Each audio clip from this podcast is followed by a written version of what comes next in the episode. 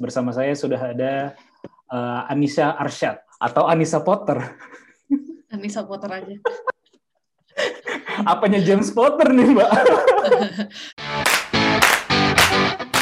Dan mensayangkan saham masyarakat. Jadi kita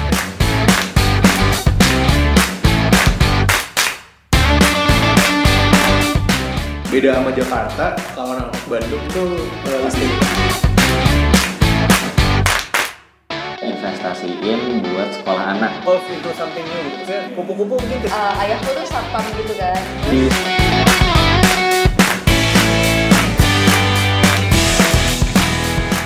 Saya sepupunya. oh nggak ponakan dong ya, bukan sepupu kalau James Potter. Ah, ya, James Kalau. Harry Potter sepupuan berarti. Sepupunya, ah, sepupunya Harry Potter. Ah, Iya, dan- iya. Terus aku apa ngeh, bukan ngeh sih, eh baru lihat Instagramnya kan Anissa Potter. Terus mem- Hmm. melihat emailmu, eh, kayaknya kita nggak beda jauh deh kelahirannya. Oh iya iya. Dari nama email udah keli- kelihatan gitu. Iya iya, ketahuan tuanya ya. Enggak lah, kita muda lah ya. Dari suaranya seorang muda sih. Suara muda. Aku 88, aku 88. Ah, oke oke, selisih sta- selisih 10 tahun ya. Iya. Saya 99. Iya. Kenapa apa kenapa pakai sosial medianya Anissa Potter sebegitu sebegitu ininya kah sama Harry Potter? Iya, jadi tuh eh, gimana ya? Sebenarnya kan sosial media itu kan kalau nama Instagram kan Hmm. Instagram tuh agak-agak baru-baru ini ya. Maksudnya Hmm. tahun 2010 ke atas lah ya. Hmm. Sebenarnya saya tuh dari SMA eh, udah dipanggil Potter. Jadi karena waktu SMA itu Anissa di seangkatan tuh ada tujuh Anissa. Tau lah ya, Anissa kan pasaran banget kan. Ah. Jadi akhirnya kayak orang kan males tuh sem- semuanya Anissa. Akhirnya kayak jadi punya julukan satu-satu gitu. Nah. Eh, eh, jadi yang dipanggil Nisa tuh cuma satu orang, enamnya tuh harus ya ngalah gitu loh. Ah. Akhirnya waktu itu kayak ya itu saya kayak volunteer aja, eh panggil gua eh, Potter aja deh Potter. Potter. Waktu itu masih waktu itu sih lagi ya masih freak juga sih sama Harry Potter. Jadi dulu tuh iya saya tuh kayak ngefans sejak SD apa SMP ya. Ah. Jadi tuh kayak freak banget sampai kayak gitu loh sampai yang eh panggil gue Potter dong, panggil gue Potter kayak gitu-gitu. Eh. Tapi akhirnya waktu SMA itu malah jadi panggilan permanen gitu loh Ah. dikira kan cuma kayak cuma apa dikira kan kayak cuma apa sih selewat-selewat aja gitu tapi habis itu jadi Potter ya udah jadi kayak teman-teman SMA terus masuk ke kuliah jadi nggak manggil Anissa manggilnya Potter, Potter. gitu. Nah akhirnya makanya kalau bikin sosmed apa akun sosmed gitu ya kayak bikin Instagram kan kalau nama asli kok kayaknya orang bisa jadi ini siapa? Jadi akhirnya udah Anissa Potter gitu loh. Jadi soalnya banyak kadang ada teman yang nggak tahu nama nama nama Asli. lengkap saya juga lu Hmm. Anissa apa sih? gitu gue taunya Potter gitu. Ya gitulah jadi ceritanya kurang lebih Iya makanya tadi aku ini notice eh, apa eh, tahun lahirnya karena aku juga ya deket-deket Hmm. lah tadi ya gue bilang gitu. Hmm. Aku juga Hmm. mulai baca tuh eh, SMP lah. Cuman kalau aku baca eh, ya dan suka banget sampai ngikutin sampai terus gitu karena agak-agak eh, ini juga lah bisa dibilang freak juga pada pada waktu itu gitu ya. Benar. iya iya iya pada masanya ya. Perubahan atau pengaruh terbesar apa selain dipanggil Potter terus menerus yang yang, yang mempengaruhi kamu eh, dari baca Harry Potter gitu? Heeh. Iya apa yang mem- eh, pengaruh terbesar apa yang buat diri kamu itu? Iya, kalau ternyata dunia sihir itu ada asik. Eh, Iya ya. Kalau Oh, aku nih, ya? kalau aku sempet gini, sempet pas lagi kan itu SMP lah. Pas Uh-uh. lagi mau SMA, saking senengnya gitu ya baca itu. Mm-mm. Uh, waktu itu baru selesai nomor 4 apa ya kalau nggak salah apa nomor 5 Mm. lah gitu ya pas lagi kita SMP ya. Uh, pas SM eh pas kita SMP seolah-olah se- sangkatan gitu. Tapi kayak beda dikit lah ya. Pas mau masuk Mm. SMA, pengaruhnya tuh bahkan aku sampai pengen masuk asrama, nyari sekolah yang ada asrama. Oh, iya iya iya iya. Oh, kayak gitu ya. Iya, oh, iya sih. Maksudnya oh kalau kalau kalau saya nggak sampai kepikiran asrama karena saya kayak mikirnya aduh asrama bakal diatur segala macam Oh, kan. gitu. Saya kan orangnya pembangkang gitu ya. Jadi Ah. nggak nggak kayaknya nggak suka gitu. Ah. Tapi kalau kalau pengaruh sih eh, mungkin apa ya? eh, waktu dulu pas lagi baca terus kemudian kan freak banget sampai semua dikolek kan. Jadi tuh saya Ah. nggak cuma kolek buku, aneka jenis merchandise tuh dikolek Oh, gitu kan. ah, Jadi ah. kayak benar-benar hidup tuh emang cuma buat Harry Potter gitu. Buset. Tapi akhirnya tuh jadi kayak kalau kalau di Harry Potter kayak lebih belajar mengenal karakter-karakter orang yang kayak oh emang maksudnya ada yang jahat. Saya kan baca Harry Potter dari SD. Ah. Maksudnya Jadi yang kayak oh maksudnya ini jadi saya suka ngasosiasiin kayak guru-guru tuh oh ini Gilderoy Lockhart gitu. Oh ini Dumbledore gitu loh. Terus oh ini apa McGonagall gitu. Jadi Hmm. kayak mencoba menyambungkan dunia Harry Potter ke dunia nyata gitu. Tapi kayaknya Iya. pengaruh terbesar ya itu sih. Kalau buat kamu ya. Sampai namanya dipanggil Potter gitu berarti berarti orang iya, mungkin emang mengasosiasikan atau ya kamu pengen dikenal juga tapi orang kan apa mengasosiasikan gitu kan. Iya, orang juga banyak ngiranya lu karena kacamata, enggak enggak karena kacamata, karena emang ngefans gitu. Ah. Tapi kan orang mikirnya kan oh karena lu kacamata gitu. Terus mana di jidatnya kok nggak ada petirnya gitu. Iya, masa iya. Kadang Iya, juga kalau lagi kumat dipetirin sih pakai apa ya? Pakai pulpen. Ah, aku kebetulan pas lagi kecil jatuh di sini. Jadi Oh. soal jatuh ke got dan ada luka jahit. Jadi kayak wah, Oh, jadi ada scar. Sebenarnya aslinya mah di pinggir gitu. Tapi bentuknya eh, petir Enggak. apa spiral? Garis spiral mah Naruto. iya, iya. Iya, iya. Iya menarik soalnya aku maksudnya di usia maksudnya eh, aku Hmm. pikir kan eh, ya usia-usia segini gitu atau ya walaupun banyak juga tapi kita zamannya udah lewat lah memakai nama nickname eh, yang sesuatu Hmm. yang kita suka di sosial media biasanya kan kita udah mulai formal lah gitu dengan nama sebenarnya Iya, iya. atau di Twitter Iya, dulu iya, iya. sempat mungkin tapi kan sekarang mungkin udah ganti lah ada zaman-zamannya gitu tapi makanya aku Hmm. penasaran loh kok dia masih terus-terusan pakai nama ini gitu. Iya, iya, iya, karena ya itu kayaknya maksudnya kalau selama ini ngeliat di circle pertemanan tuh jadi orang kenal emang dua nama Anissa dan Hmm. Potter jadi ya udahlah Anissa Potter gitu. Terus kayaknya lebih lebih ya udahlah lebih familiar lebih kayak apa Hmm. lebih informal gitu kan. Kalau sosmed kan kayaknya identiknya lebih ke informal, gitu. Informal, tapi ya. Akhirnya nama itu juga jadi kepake buat blog gitu kan. Jadi orang sih bikin blog blog di WordPress gitu tapi belum Anissa Potter kemudian ketika udah tulisan banyak em, abis itu ya itu sempat ganti ke bikin www.com gitu ya udah Hmm. bikin nama Anissa Potter gitu. Dan emang Hmm. pas itu juga dapat kesempatan nerbitin buku buku Hmm. traveling itu. Jadi akhirnya udah jadi nama pena juga Anissa Potter gitu sampai nama pena juga Anissa Potter ya. Iya, iya. Heeh, jadi akhirnya nama sosmed aja gitu bukan nama kan kadang kalau nama Benar. pena orang suka namanya agak-agak yang apa Puitis-puitis. puitis gitu kan. apa lembayung biru atau apa gitu ya Oh iya, ini ini buat yang dengerin ya, yang yang belum tadi kita belum kenalan dengan proper gitu, yang Oh, iya. eh, yang belum tahu siapa Anissa Potter ini ya, eh, beliau ini penulis gitu, eh, terus Hmm. juga apa sekarang lagi sekolah di Jepang gitu ya, Mm-mm. S3 dan eh, apa namanya yang aku kenal awalnya sih dari Ecofan ya, dari Mm. bisnisnya yang main eh, apa bikin board game gede ya, board game Iya, iya. board game yang buat anak-anak bisa main dengan aktif lah kayak gitu gitu. Jadi mungkin bo- boleh dikenalin dulu ya dirimu lebih apa ya? Lebih dari tiga hal yang tadi lebih lebih biasa Identitinya banyak ya. lebih biasa dikenal sebagai apa nih gitu. Nah, Sebagai itu yang menarik Potter. ya. Iya, iya, iya. Saya lebih, lebih, lebih senang jadi, iya, jadi ponakan di James Potter ya. James Potter. Nah, itu dia. Kadang kalau iya, eh, yang menarik tuh kalau saya tadi diminta harus kenalin diri tuh kadang tergantung ininya gitu. Kalau misalnya pernah dapat undangan ngisi acara gitu ya, makanya harus nanya dulu temanya apa gitu. Maksudnya kalau oke bicara tentang oke tips and apa tips and trick buat beasiswa, oke berarti saya ngenalinnya sebagai penulis sebagai seorang student traveler. Jadi student traveler itu judul buku saya, Ah, tapi saya emang melabeli diri saya seorang student traveler gitu loh. Jadi ah, karena memang story-nya, journey-nya adalah eh, saya emang mengawali perjalanan traveling baik dalam dan luar negeri itu saat masih megang status mahasiswa gitu, hmm. status pelajar gitu. Jadi akhirnya saya buat apa istilah apa buat penamaan gitu, oh student Hmm. traveler. Yang mana eh, student traveler itu yaitu saya ceritakan dalam blog yang kemudian diterbitkan dalam dua buku, student Hmm. traveler 1 dan 2 Yang Dan- dua baru baru rilis ya? Enggak sih, yang dua udah lama ya, udah tiga tahun yang lalu, udah empat tahun yang tahun. lalu. Oh, udah lama banget. Terus sebenarnya mau dibuat buku trilogi, buku ketiga, tapi masih belum belum beres dan juga em, emang saat ini emang prioritasnya lagi emang belum di dibikin Hmm. buku sih sebenarnya karena tadi selain nulis ke, tadi udah dikenalin juga kan kebetulan sekarang lagi sekolah dan sekolahnya juga em, dunianya juga baru banget gitu Hmm. di saya ngambil PhD di environmental education meski bidangnya ini sangat relate sama game yang saya bikin Hmm.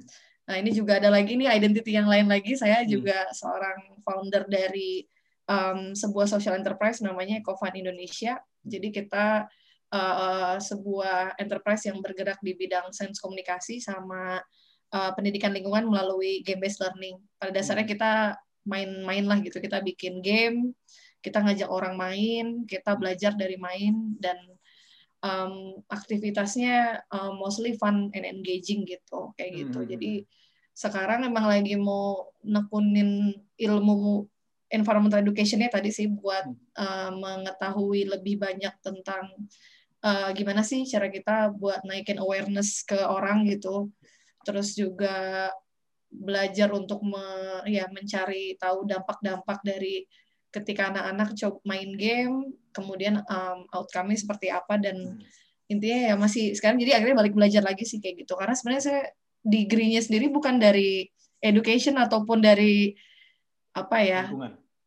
Eh, sebenarnya sih kalau lingkungan relate jadi saya tuh S1 S2 tuh di arsitektur landscape Hmm. Oh. kalau pernah iya. dengar jurusannya arsitektur landscape Eh, pernah pernah kebetulan ada temen SMA aku tuh yang ngambil eh, landscape arsitektur di IPB tapi oh ya saya IPB juga oh IPB juga oh angkatan berapa dia angkatan 2006 2006 masuk berarti oh iya Oh, berarti siapa 2000. namanya pasti tahu 2007 berarti 2007 kan Eh, Ah, Ray ah. Ray Ray Agung Oh Ray Ray Agung, Ah. Kak Ray, ya ampun, tahu Ah. dong. Yang, Oh, tahu. Iya, iya, iya. Tahu tahu. Oh, se SMA.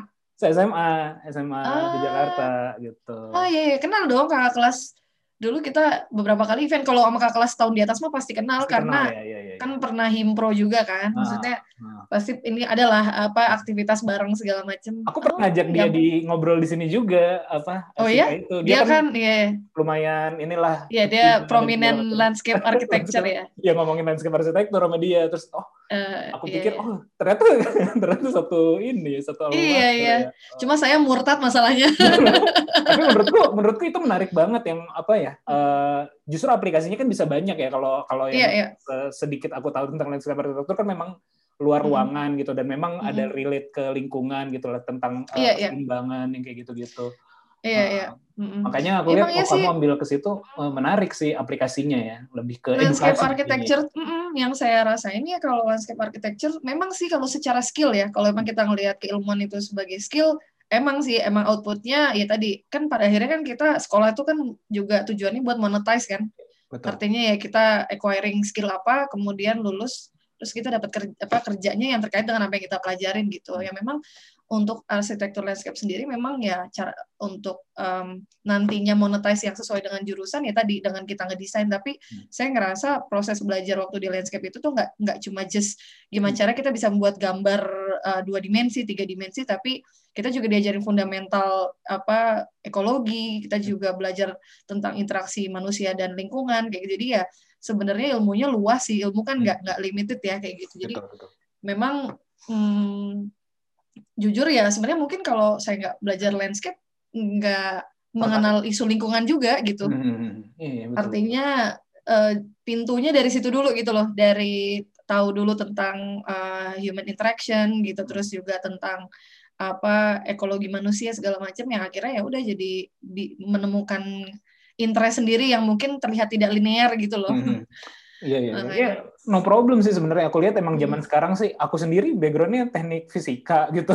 Tapi Hmm. sekarang mostly di bisnis, di digital atau di infor, infor- informatika Iya, iya. gitu yang yang nggak betul betul nggak relate langsung gitu. Tapi ya ya tadi lah shaping cara berpikir Iya, apa ada salah, salah, salah satu pelajaran yang bisa kita ambil juga sih kayak gitu. Nah aku Iya, iya, pengen pengen benar-benar pengen bahas tentang ini mu apa namanya yang tadi ya eco-fun-nya itu. Hmm. Kan kamu bikin game namanya Eco Nopoli ya, betul ya? Cara baca Ecofanopoly. Eh, Ecofan aja boleh Ecofan. Oh ya, Ecofun ya kayak gitu. Hmm, Nah itu eh, awal awal awalnya bagaimana tuh eh, idenya terus juga ya tadi mungkin ketertarikan eh, dari kuliah gitu ya mulai mulai ke Ya, lingkungan. ya. Ya, jadi kalau awal mulanya banget sebenarnya udah mulai dari lama banget ya. Berarti ini kan 2021 ide gamenya tuh muncul di 2009. Waktu itu saya masih Hmm. semester 3 pas semester 4 ya waktu Hmm. eh, masih S1. Hmm. Jadi sebenarnya eh, apa saat itu saat itu tuh saya masih sekolah, masih kuliah kayak mahasiswa biasa, tapi memang waktu itu lagi saya tuh lagi kayak gimana sih lagi semangat semangatnya lah ikut-ikut kegiatan-kegiatan di luar kampus gitu Iya. atau Hmm. kalaupun kegiatan kampus tuh yang sifatnya um, volunteering gitu kan terus pokoknya event-event apa eh, seminar apa gitu saya hobinya kan ikut-ikut tapi saat itu memang yang banyak sekali tema yang diangkat itu banyak sekali mengangkat tentang isu-isu um, kayak climate change gitu. Hmm. Karena memang sebenarnya tahun itu tuh sebenarnya tahun-tahun um, climate change itu naik karena waktu itu kan Al Gore tuh kalau nggak salah dia bikin Inconvenient Truth kan 2008 yang nggak Iya, salah. betul. Ah. Jadi memang itu kayak membuka Triggernya jalan ya, oh ah, triggernya itu gitu Hmm. loh. Jadi anak muda tuh di di ini nah saya kayak mungkin menjadi Hmm. bagian kecil yang terketarik gitu loh Hmm. dari apa da- terpapar dari isu climate change itu gitu. Hmm. Dan habis itu di sisi lain tuh kalau ngelihat kegiatan-kegiatan apa kalau kalau kalau kegiatan volunteering kan biasanya kayak kunjungan ke sekolah gitu kan kita kayak Hmm. bikin penyuluhan apa bikin campaign-campaign sama anak-anak gitu nah eh, di situ tuh apa dari proses jadi relawan tuh saya kayak belajar suka op- buat ngeliat kalau kayak kok event kegiatan-kegiatan itu gini-gini aja ya gitu loh Hmm, kadang hmm. kayak cuma nyanyi Monoton, bareng ya. ah. Iya monoton meski Hmm. sebenarnya fun, tapi kok kayaknya saya ngeliat ada kehilangan, ada yang missing gitu loh. Hmm. Jadi oke kita bilang kampanye lingkungan, tapi gimana cara kita membuat adik-adik ini tuh ngerti dan memahami sesuatu, misalnya aja dia memahami tentang lubang ozon misalnya. Hmm. Kalau kayak kita cuma misalnya nyanyi-nyanyi gitu atau misalnya kita main apa misalnya main sesuatu atau bikin ini gitu, kayaknya ada di situ menurut saya ada kayak ada gapnya gitu loh. Hmm. Nah, habis itu suatu ketika em, saya pernah ikut conference dan memang conference itu nyuruh temanya tentang lingkungan dan di conference itu kita kayak disuruh brainstorming bareng-bareng gitu kayak mikir oke ada ide apa nih yang bisa kita keluar apa kita keluarkan gitu kan Hmm. Untuk terkait apa climate change gitu. Nah, waktu itu saya kayak mikir-mikir tiba-tiba pas lagi satu sa- satu hari keberapa gitu di conference itu saya tiba-tiba keinget ih kok kayaknya bikin game tiba-tiba keinget game aja gitu tiba-tiba Hmm. keinget game dan emang dari kecil emang saya suka main game sih jadi Hmm. tapi as a user ya maksudnya Iya, bukan as maker gitu kan jadi emang kayak dari kecil saya udah kayak nyoba semua game lah Sega, Nintendo, PS1 ya masih PS1 saat itu terus board game juga ya kayak catur, ludo, monopoli, game-game generasi kita lah ya. Saat itu kan nggak gitu banyak ya sebenarnya nggak gitu kita kalau sekarang kan board game Banyak banyak, banget kan Betul. Mm, gitu loh. Jadi artinya saya emang punya kecintaan di dunia game dan bener-bener pernah emang waktu kecil tuh bener-bener emang hidup tuh habis buat ngegame gitu loh. Hmm. Jadi artinya em, nggak apa ya, nggak bukan hal yang aneh apa, bukan Ya, hal yang tidak lah ya. familiar gitu loh. Hmm. Mm-mm, kayak gitu. Nah terus tiba-tiba saya keinget tuh game, tapi yang saya ingat pertama tuh bukan board game sebenarnya waktu saya punya ide itu. Sebenarnya saya kayak pengen bikin The Sims game-game komputer gitu. Oke, iya. Jadi kayak game The Sims, tapi em, gimana caranya misalnya kita kalau jadi kan kalau The Sims kan bikin rumah, bangun rumah, segala macam kerja gitu-gitu. Nah, itu kita buat konsep mekaniknya atau rules-nya itu tadi dia harus kayak menerapkan apa eh, apakah green living atau apa gitu. Tapi pas da- lagi mikir-mikir ide itu terus kan saya baru nyadar oh ya saya kan nggak ngerti apa em, apa namanya pemrograman ah, gitu, pemrograman terus apa nggak nggak ngerti lah gitu Ah. kan ah kayaknya ketinggian deh idenya gitu kan eh terus tiba-tiba beberapa hari kemudian itu waktu itu conference udah beres tuh saya udah pulang ke Indonesia Hmm. waktu itu conference di Malaysia pas pulang tuh tiba-tiba saya ini aja oh kayaknya kok kalau bikin kayak board game eh, model-modelnya mirip kayak Monopoly gitu Hmm. kok kayaknya seru ya jadi kontennya di custom tapi yang pasti tujuannya eh, bukan untuk menjadi seorang kapitalis gitu loh Ah, jadi Oke. justru kita ganti currency-nya nggak bukan yang kayak kayak lu yang Uang. paling kaya Hmm. menang gitu jadi kita bukan beri reward pada orang yang paling serakah Hmm. tapi kita ngasih reward ke orang yang menerapkan hidup yang eh, eco-friendly gitu Hmm, loh eco-friendly. ah. ya udah akhirnya di situ mulailah ketika ada ide gitu tak langsung kayak mulai orat-orat kan kan kalau kepikiran board game kan paling Gambar. apa s- bisa sketching dulu Iya. dan saat itu tuh sebenarnya saya juga belum ngerti kayak make Photoshop Corel tuh belum ngerti loh dulu kan s- udah masuk juru udah masuk landscape ada sih udah dikenalin beberapa software desain tapi ya masih belum familiar gitu loh Mhm. maksudnya udah nggak gitu ngerti akhirnya udah saya mulai sketching sketching iseng di- dibantu sama temen juga Hmm. buat kayak bikin-bikin frame kotak di gitu-gitu Ya, ya, bener-bener ya, ya. kayak sam- ya kayak bener-bener masih polos banget gitu loh akhirnya ya udah mulai bikin prototype yang kemudian adalah itu titik awal bikin dan habis bikin prototype itu saya waktu itu saya masukin ke satu kompetisi sih Hmm. nah dari situlah perjalanannya dimulai gitu Hmm. dan habis itu wah itu sejak saya daftar kompetisi itu ya udah akhirnya jadi perjalanan bersama Ekovanopol ini dimulai gitu. Oh, iya, menarik, menarik, menarik. Iya sih, sebenarnya memang apa ya, salah satu yang cara paling mudah untuk uh, mengajar atau ya memberikan informasi lah penyebaran informasi adalah dengan game sih. Bahkan aku lihat kan kalau kalau kayak apa Hmm. namanya kayak uh, di luar ya. Tadi kan kalau kita Hmm. ngomong, aku sampai sekarang masih suka main board game gitu dan dan uh, Oh, suka main apa? banyak sih dan makin sini maksudnya ap- apalagi yang ada meaningnya gitu jadi misalnya game tentang uh, apa yang ada kaitan sama finance kayak gitu jadi kita belajar tapi oke gue dapet oh gue ngerti nih uh, finance-nya gitu Hmm. atau kalau game game yang ada kaitannya monopoli juga aku koleksi sebenarnya monopoli uh, dari kota-kota ya jadi karena mungkin iya. salah satu kesamaan kita adalah tadi ya, belum belum kita bahas ya mungkin traveling gitu aku salah Hmm. satu yang aku suka koleksi adalah misalnya ke mana aku nyari monopoli kota tersebut kan monopoli walaupun Iya, iya. sama permainannya cuman kan uh, boardnya beda tuh misalnya kalau di Hmm. Indonesia yang paling mahal adalah uh, apa sih di Indonesia yang paling mahal ya Brazil gitu kan atau Iya, iya, iya. apa gitu. Nah kalau di negara lain kan beda yang paling mahal, yang paling murah kayak gitu-gitu loh. Jadi eh, jadi jadi jadi suka dan dan memang benar sa- salah satu paling paling eh, gampang dengan eh, permainan. Nah aku inget ini, aku pernah nonton film, bukan film sih, semacam kayak dokumenter gitu. Ada Hmm. salah satu kota di eh, US ya kalau nggak salah. Eh, Mungkin agak-agak mirip ya sama sama yang tadi kamu bu, eh, kamu ceritakan gitu. Eh, dia tuh ada suatu eh, kebiasaan lah eh, penduduknya setiap malam minggu eh malam minggu atau malam sabtu gitulah ada pawai. Ada bukan pawai sih. Ada semacam kayak kalau di Bandung tuh ada culinary street lah. Jadi ada satu jalan Hmm. di blok untuk Hmm. kuliner. Nah ini mereka tuh kayak untuk main untuk main-main lah di situ ada Hmm. makanan dan segala macam kayak gitu-gitu. Nah problemnya adalah di hari minggunya tukang bersih-bersih tuh selalu kerepotan karena setelah malam itu berlangsung paginya tuh Hmm. jalanan itu harus dibersihin dengan cara yang uh, ekstrim lah. Uh, tukang sampahnya harus banyak dikerahkan dan segala macam sampai suatu saat uh, kebijakan kotanya membuat pengen oh itu bersih gimana caranya? Uh, datengin konsultan dan segala macam salah satu idenya adalah gamifikasi. Gamifikasinya gimana Uh, jadi di di street itu yang di blok itu uh, dibikin kalau nggak salah di, di New Jersey ya jadi di blok uh, streetnya itu mereka bikin kayak tempat sampah tapi kayak main basket kayak kayak main basket yang di time zone gitu loh. Jadi Iya, harus iya, masukin iya, ke iya. poin situ dan dibikin kompetisi ada dua dua ring, satu ring cowok, yang satu ring cewek. Jadi Ah. jadi mereka oh iya eh, saling berkompetisi eh, gender gender competition gitu. Oh yang cowok eh, udah terisi nanti ada ada apa namanya ada angkanya gitu di atas gitu.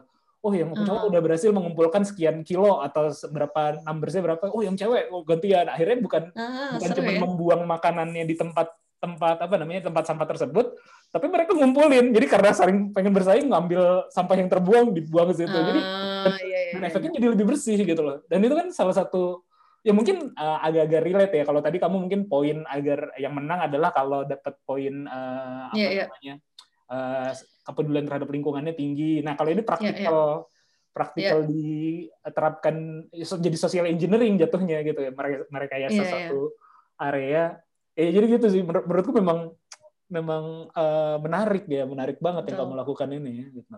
Betul, betul. Hmm. Emang sekarang nih emang apa ya?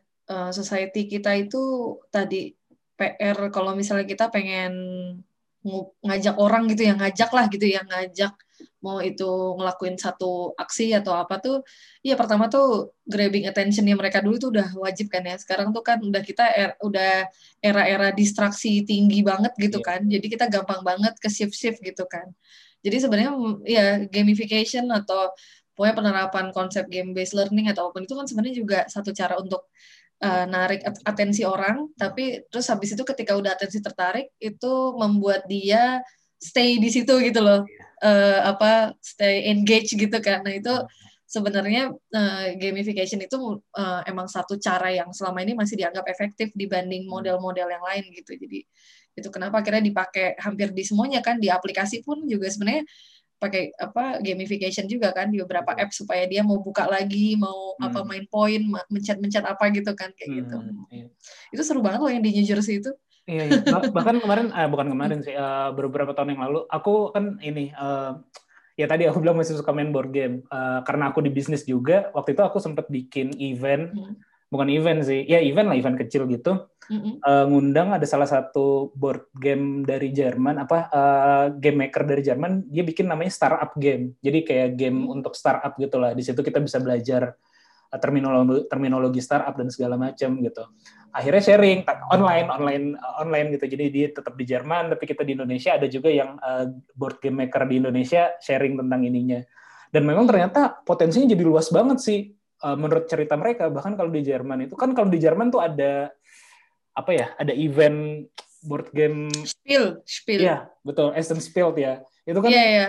itu tuh Wah, itu gede banget. Wah, bagus gede banget, itu. sih. Aku aku belum sempet tuh. Kamu kamu udah pernah? Eh, pernah, pernah. 2019, sebelum Corona itu saya ke sana. wow. Jadi emang, iya, waktu dulu sekolah, kan saya pernah sekolah di Jerman, tapi waktu itu Hmm. Kelewat, jadi nggak, apa, kayak baru tahu gitu loh, kayak baru tahu, oh ada ada pameran board game Hmm. gitu. Akhirnya Hmm. kelewat, terus waktu itu keburu pulang. Nah, waktu itu, ya itu, karena udah balik dan udah emang mulai nekunin um, um, ini jadi bisnis, jadi baru benar-benar total total full time gitu kan, ketika pulang sekolah dari Jerman.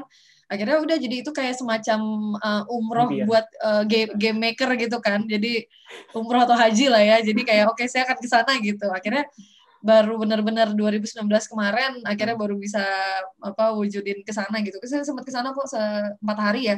eventnya- exhibition atau exhibition atau eh, datang aja?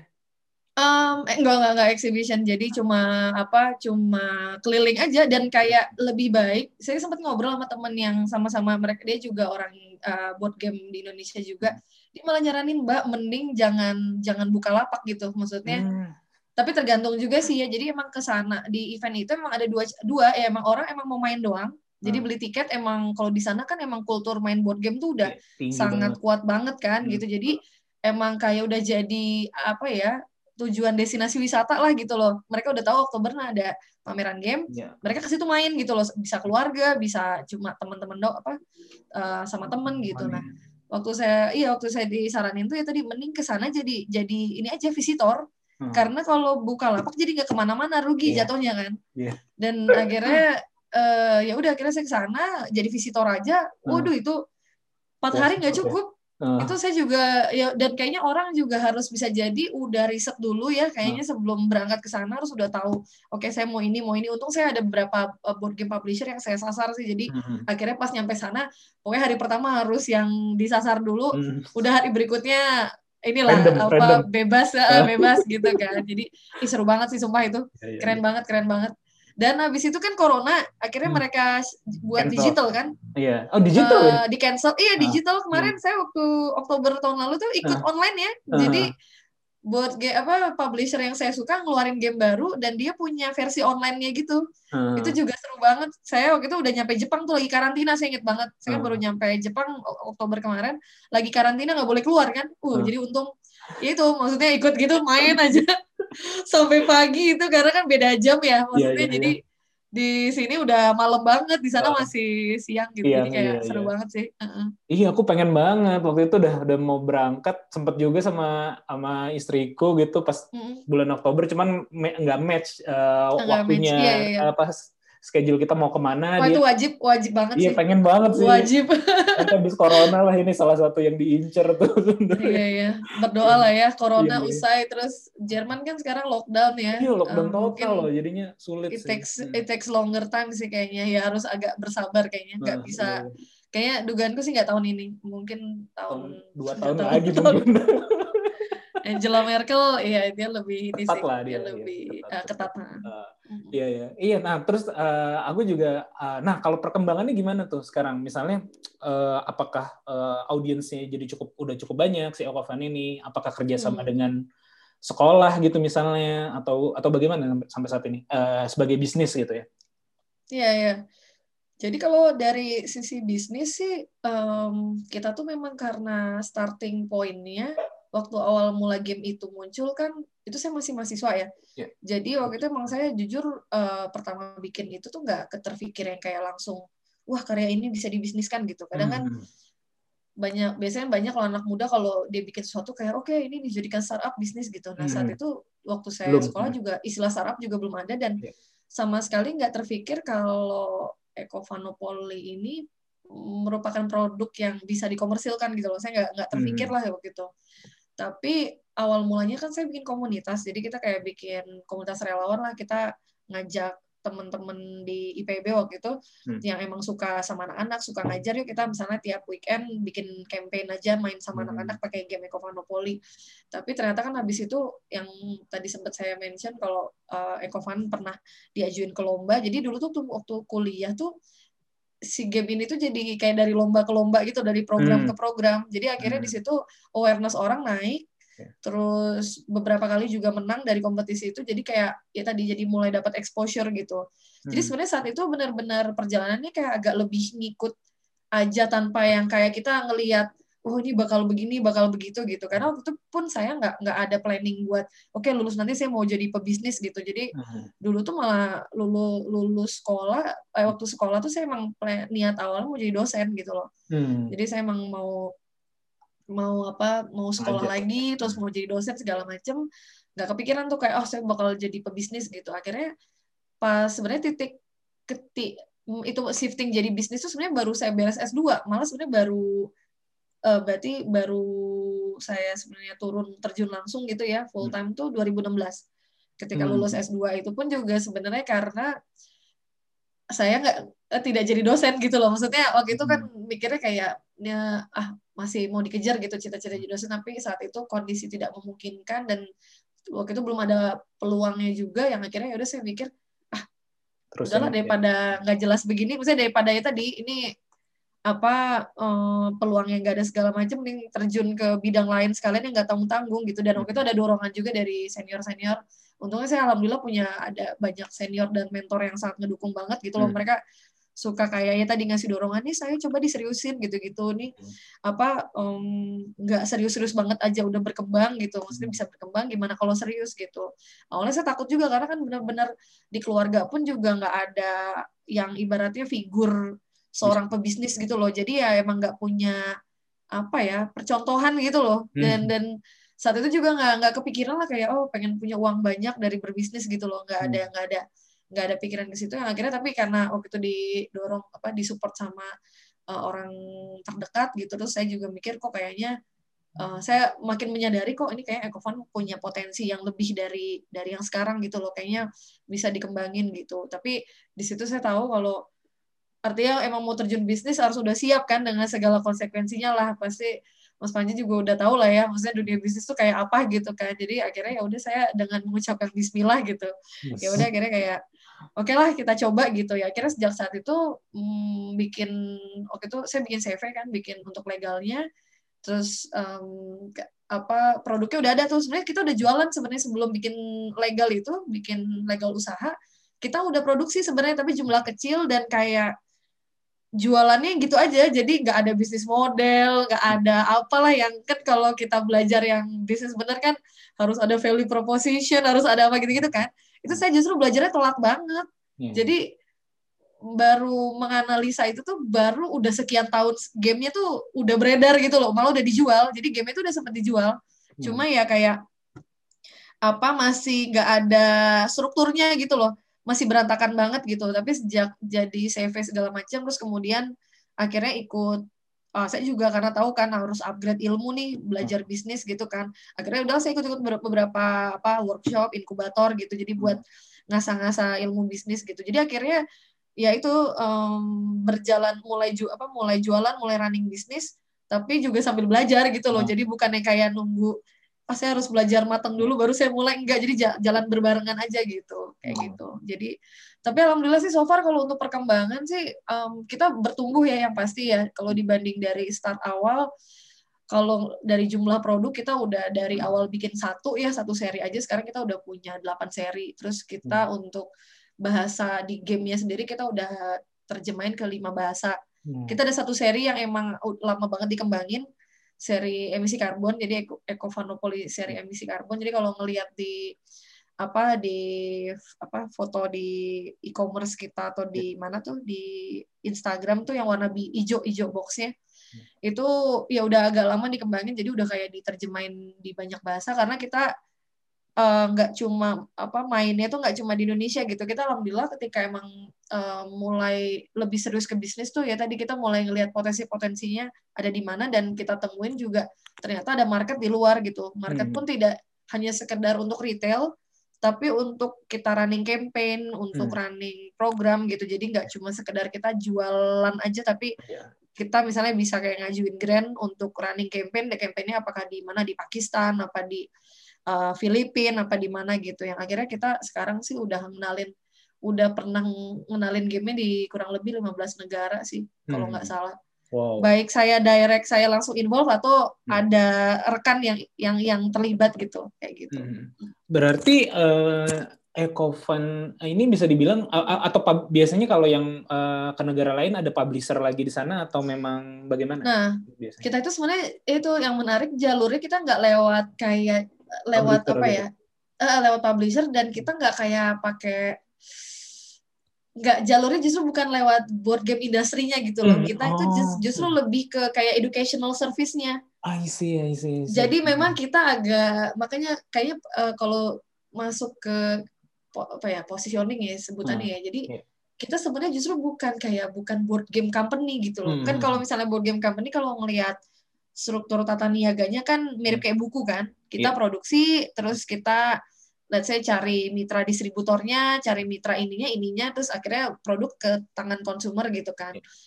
Nah, kalau kita sebenarnya startingnya karena emang bukan kayak bikin board game emang untuk beradu sama board game yang lain. Iya, iya.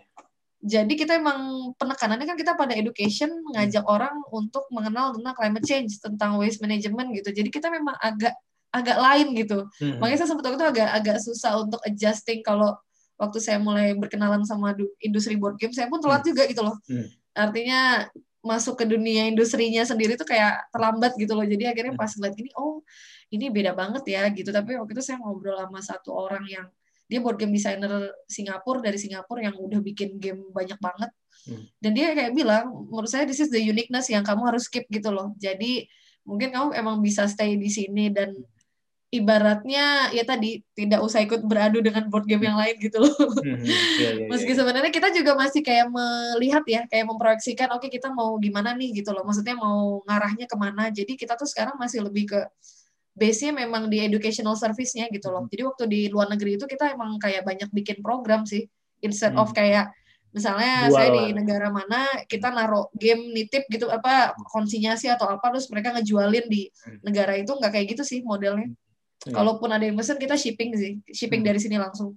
Iya. Ya itu menarik banget sih. Maksudnya Hmm. memang memang ada beberapa tipe ya kalau aku lihat. Ada juga teman-teman yang di aso- di asosiasi board game gitu memang mainnya di services ada juga sih. Jadi nggak Iya, iya, nggak iya. nggak nggak retail nggak retail. Apalagi kalau di Indonesia ya Indonesia kan nggak nggak se marketnya Iya, nggak itu se dia. Betul betul. Nggak sebesar benar benar itu. di luar gitu kan.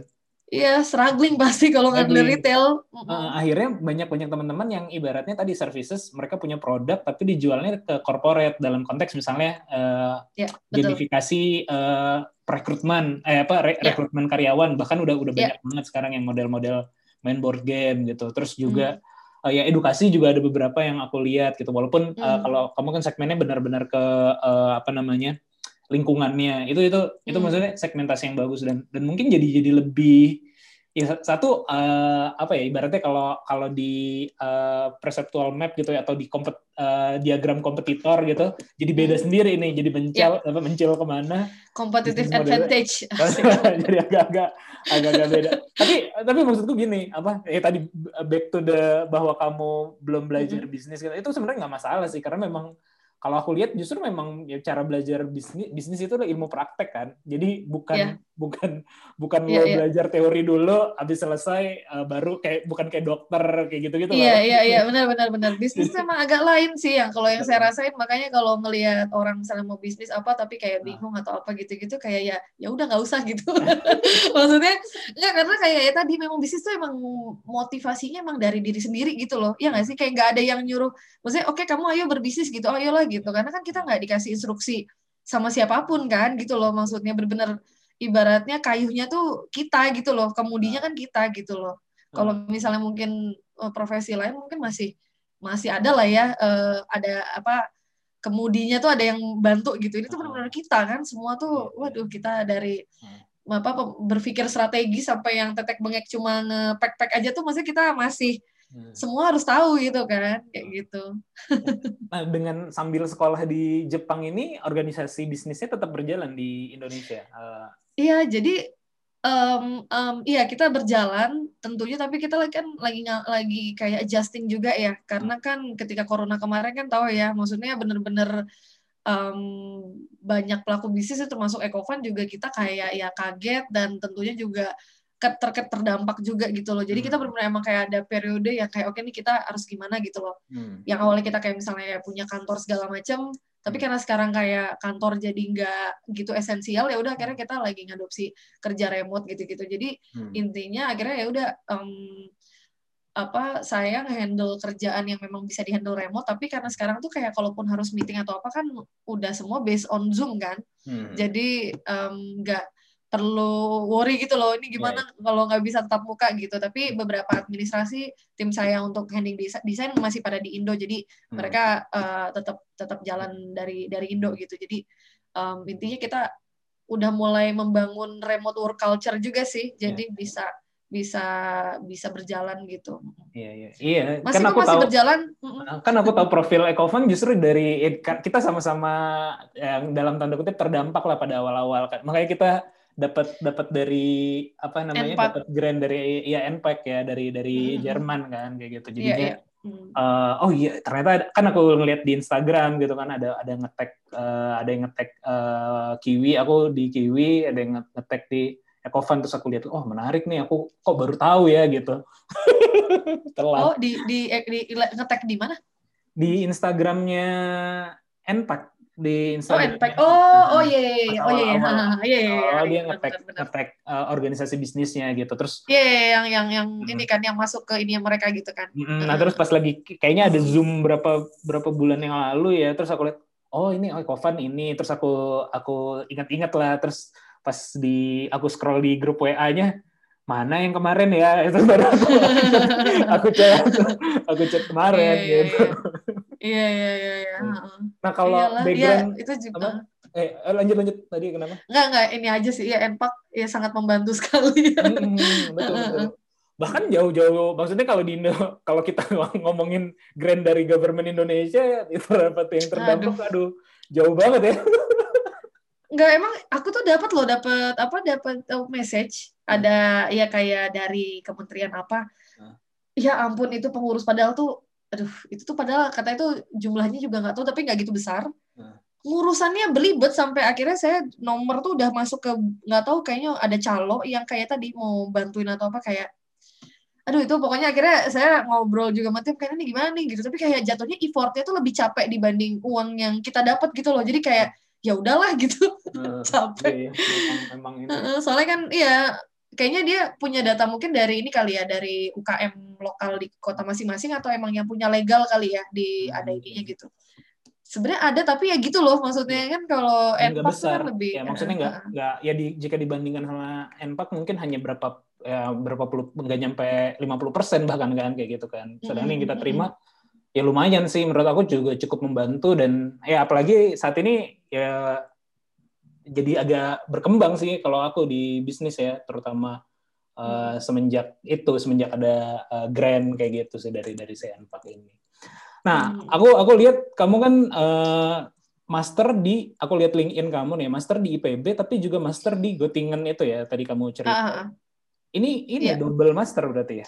Bukan double master sih sebenarnya kalau masternya dari IPB tapi Hmm. di Jerman itu master exchange jadi kayak semacam kredit transfer gitu loh jadi I see. kredit apa ada berapa kredit yang belum diambil dari IPB diambilnya di Jerman gitu jadi pulang tuh artinya ada berapa mata kuliah yang masuk ke ke apa ijazah di IPB gitu jadi Oh. sistemnya apa sebenarnya kredit transfer ya Mm. Iya iya iya. iya. Jadi em, di Jerman sempat setahun pakai beasiswa Erasmus Mundus gitu Oh, I see. Asik Mm. banget ya. Eh, tapi. Göttingen eh, pas lagi di Eropa berarti eh, hobi travelingnya oh gila ya. Terus saya bisa tiba-tiba hilang gitu tiap weekend. Terus saya di kalau di Göttingen paling terkenal ini Anissa mana nih Anissa? tiba-tiba udah fotonya di mana Barcelona gitu karena emang bener-bener Eropa tuh emang ya emang gimana sih kayak makanya keliling Eropa tuh kayak emang tidak bukan bukan bilang nggak nggak berasa ya tapi maksudnya gitu loh. Iya. kita kan bisa tiba-tiba naik kereta udah nyampe Belanda gitu. Jadi lintas negara tuh emang bukan nggak gitu jauh gitu Jauh, kan. kalau di kita kan agak susah. Maksudnya kalau mau sejauh-jauhnya paling ke Singapura pun dua jam naik pesawat gitu kan. Jadi Aku pernah di suatu kota gitu di di Jerman, jalan 15 menit nyari masjid gitu. Ternyata udah di kota lain, eh di negara lain. oh iya oh iya kok bisa di mana itu Di- ada ada ada di aduh lupa namanya. Jadi memang memang memang apa namanya? Memang di perbatasan gitu. Jadi kan mau Oh, Jumatan perbatasan. atau apa gitu kan. Mau Jumatan. Iya, iya, iya. Terus, eh, Iya, udah, udah pindah. jadi jadi Iya, jangan kan makanya. jangan kan naik kereta gitu jalan kaki kita nggak kerasa diperiksa paspor juga sih gitu kan. Iya iya iya soalnya iya eh, kalau waktu dulu sekolah kan saya eh, kita kan dapat kayak ibaratnya KTP temporary gitu ya. Hmm. Jadi apa sih sebutannya?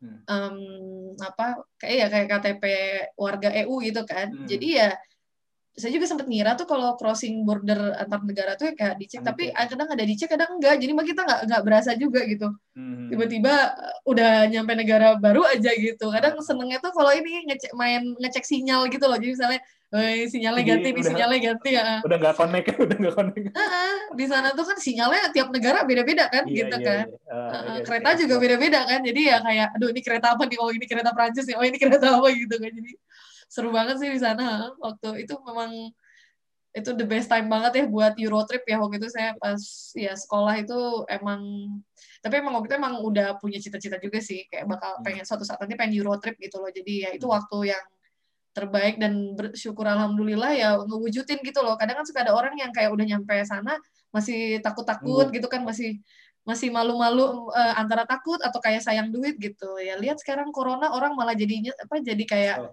ya pengen pergi pengen ke mana gitu kan. Coba kenapa nggak dulu nggak jalan-jalan lebih banyak lagi gitu kan. Ah, bahkan iya, saya yang udah maksudnya udah bisa dibilang sering banget pergi aja kayak masih yang kayak aduh kenapa iya kenapa nggak lebih sering? gitu Nah, itulah penyesalan datang belakangan aku dulu tuh waktu di Jerman eh, sempat beberapa kali sih, cuman pas short course pertama kalinya itu kan dua bulan di sana. Itu dua bulan juga bener setiap weekend tuh hampir setiap weekend lah kita Iya. tuh eh, cabut. apalagi gitu. Berlin kan deket Poland kan Dan Berlin kan deket, de- deket banget kan cuma berapa jam gitu ya Ah. waktu itu saya dari Warsaw tuh naik bus tuh iya udah nyampe Berlin heeh. Eh, iya, jadi Sisi jadi memang kayak gitu dan dan apa namanya? eh, nah, kalau kamu tipe yang eh eh ini mungkin agak ngebahas buku juga ya jadi Apa? Mm-mm. tipe yang solo traveler atau eh, gimana gitu atau sama Solo. temen-temen? solo bener-bener solo Solo solo. Saya iya, Hmm. saya lebih nyaman solo ya. Kalaupun bareng itu nggak banyak-banyak gitu. Jadi Hmm. Sebenarnya saya pernah sih trip ramean, tapi tentu ada plus minus ya. Trip Hmm. so- sendiri sama trip ramean. Tapi bukan berarti artinya trip, trip, trip bareng teman itu nggak menyenangkan atau menyenangkan. Hmm. Tapi karena tadi sih kembali ke tujuan awal kita. Misalnya kalau saya emang emang kalau mau pergi ke satu negara, terutama negara baru, itu tuh emang saya pengen, udah punya target Target. gitu loh mau gini gini gini gitu loh dan kalau misalnya ngajak temen kan kita tahu ya taste Beda. kita preferensi kita kan beda-beda gitu kan Hmm. dan kita kan nggak bisa maksain gitu loh Hmm. nggak bisa maksa dia harus ikut saya atau dia harus ikut saya gitu kan jadi Hmm. akhirnya saya lebih jujur lebih nyaman kalau pergi mending sendiri gitu dan Hmm. kalau mungkin kaitannya terkait gender gitu karena perempuannya sering kali diidentikin yang kayak apalagi perempuan jilbaban gini tuh kan Hmm. kayak yang harus kayak tuh kayak nggak bisa sendiri gitu nah em, kalau saya sih ya tadi mikirnya kayak kenapa harus takut gitu dan Hmm. kenapa iya emang apa bedanya saya yang berjilbab dengan orang-orang lain yang uh, traveling Hmm. sendirian gitu dan alhamdulillah sih saya dari total uh, negara yang udah saya datengin itu hampir mungkin 75 persennya hampir semuanya solo sih maksudnya nggak jarang yang Wow. pergi ada sih yang pergi sama teman tapi lebih banyaknya sendiri gitu Hmm. perginya kan juga ada emang untuk traveling ada yang kayak dapat undangan ada yang apa Hmm.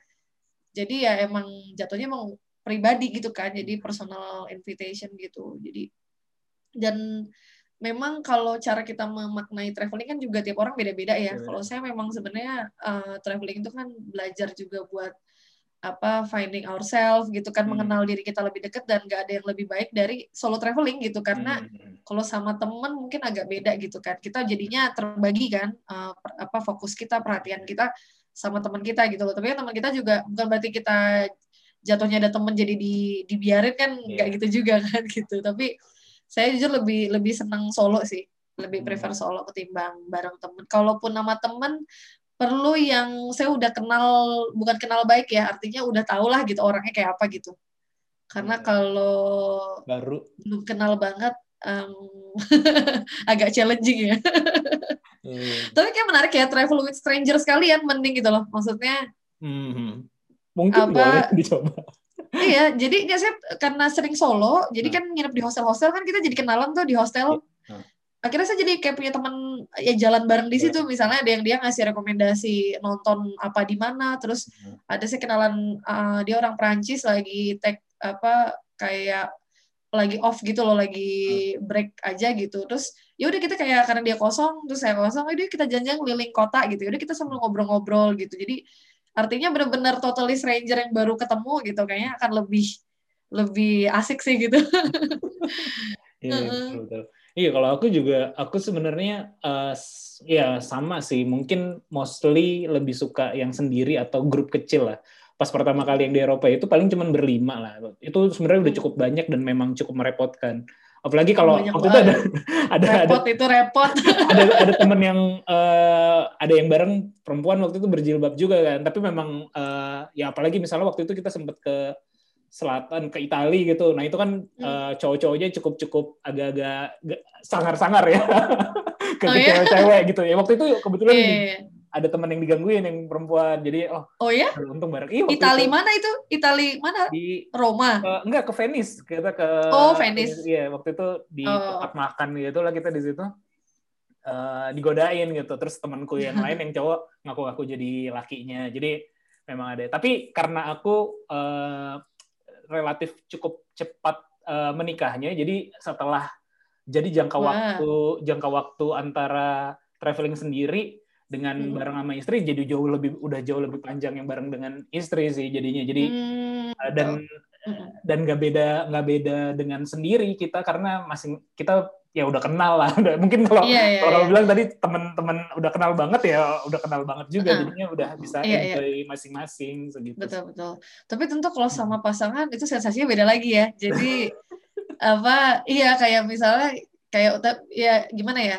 Itu kenapa mungkin juga satu kriteria kadang milih pasangan juga mungkin tadi kita punya kesukaan traveling kita berharap pasangan kita juga suka traveling kan. Iya, iya, iya. Jadi kita bisa bareng-bareng gitu loh. Tapi kalau pasang kalau sama pasangan kan kompromisnya tinggi lah ya. Jadi paling ya kalau Uh, kalau kalau aku ada yang menarik belakangan ini uh, kayak baru minggu kemarin kayaknya aku bikin podcast juga sama uh, ada kebetulan dia tuh uh, tour tour operator gitulah di Bandung gitu ya bikin bikin Hmm. traveling tapi walking tour gitu Uh, nah aku Hmm. baru pertama kali ngikut yang total stranger dan ngikut bareng tour ya sama dia padahal di kotaku sendiri gitu Uh, aku kan di Bandung sekarang Uh, cerita ke dia, uh, aku sama pasanganku itu sama istriku ini enaknya adalah Hmm. bukan enaknya sih.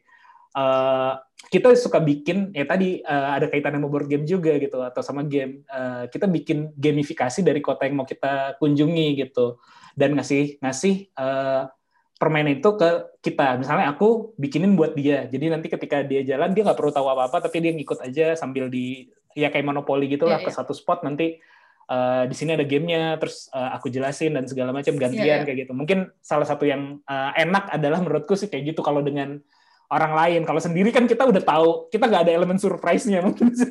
Iya, iya, iya, iya. Benar, benar, benar.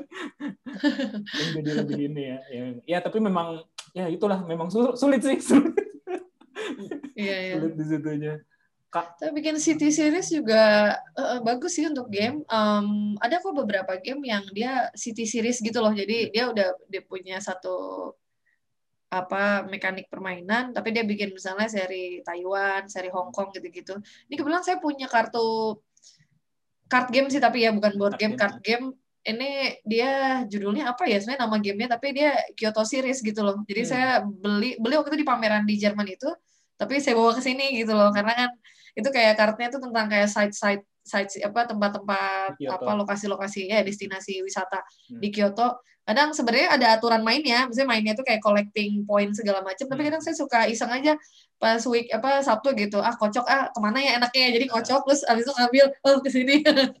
jadi bikin bikin game-game sendiri aja gitu. Iya, iya. Jadi Mm, sebenarnya itu menarik sih, tapi Nah. saya nggak tahu ya kalau city series tuh marketnya, artinya bisnis modelnya seperti apa? Apakah emang emang cuma buat penyuka traveling aja atau emang kayak apa ya? em, karena kan kalau misalnya kita nggak familiar sama si kota itu gitu loh, kadang jatuhnya kan agak gimana gitu. Memang harus spesifik gitu apa bikinnya jadi tema-tema kota yang emang kayak familiar kayak Bali gitu kali ya. Hmm. Kalau Bali kan gamenya banyak banget tuh. Iya, aku pas pas eh, pas cerita ke temanku yang eh, apa namanya eh, operator eh, tour itu, Mm-mm. dia minta apa namanya board gamenya atau ya yang aku bikin-bikin lah kayak gitu ya. Eh, waktu itu yang yang Bandung, Iya, iya. eh, karena kan dia eh, fokus ke Bandung, aku bikin eh, Bandung Legend Legendary culinary kayak gitulah, monopoli kayak gitu, Uh-uh. tapi kok- tempat-tempat makan kota Bandung. Jadi kayak Oh, oh makan udah ada gamenya?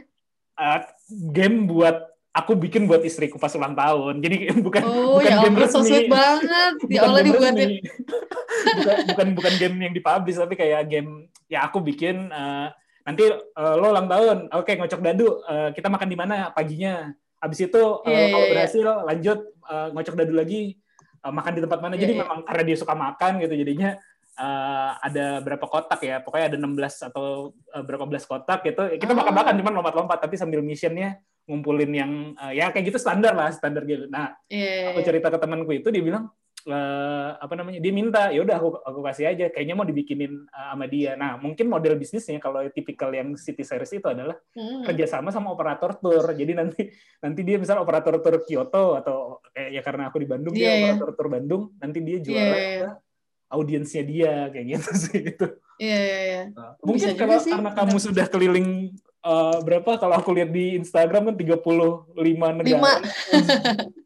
itu menarik tuh kayaknya tuh Iya. dikawinkan Iya sih. antara hobi jalan-jalan dengan Dulu sebenarnya udah waktu awal-awal udah kayak kepikiran nih bikin game tentang traveling apa apa tentang negara atau apa ya. Cuma tuh Hmm. sampai sekarang tuh kayak belum dapat eureka-nya gitu loh kayak eh Hmm. gitu loh. This will be good idea gitu loh. Jadi artinya dulu sempat kayak ngotak-ngatik juga sih, ah bikin gini, bikin gini tapi kayak masih belum apa ya, ya belum dapet ininya lah gitu loh. Ya Hmm. tapi mungkin someday sih, insya Allah moga-moga bisa bisa bikin game relate dengan apa negara-negara di dunia lah gitu Hmm. atau tentang culture tentang eh, iya, yang iya. boardnya world map atau apa gitu ya. Ih, keren banget sih.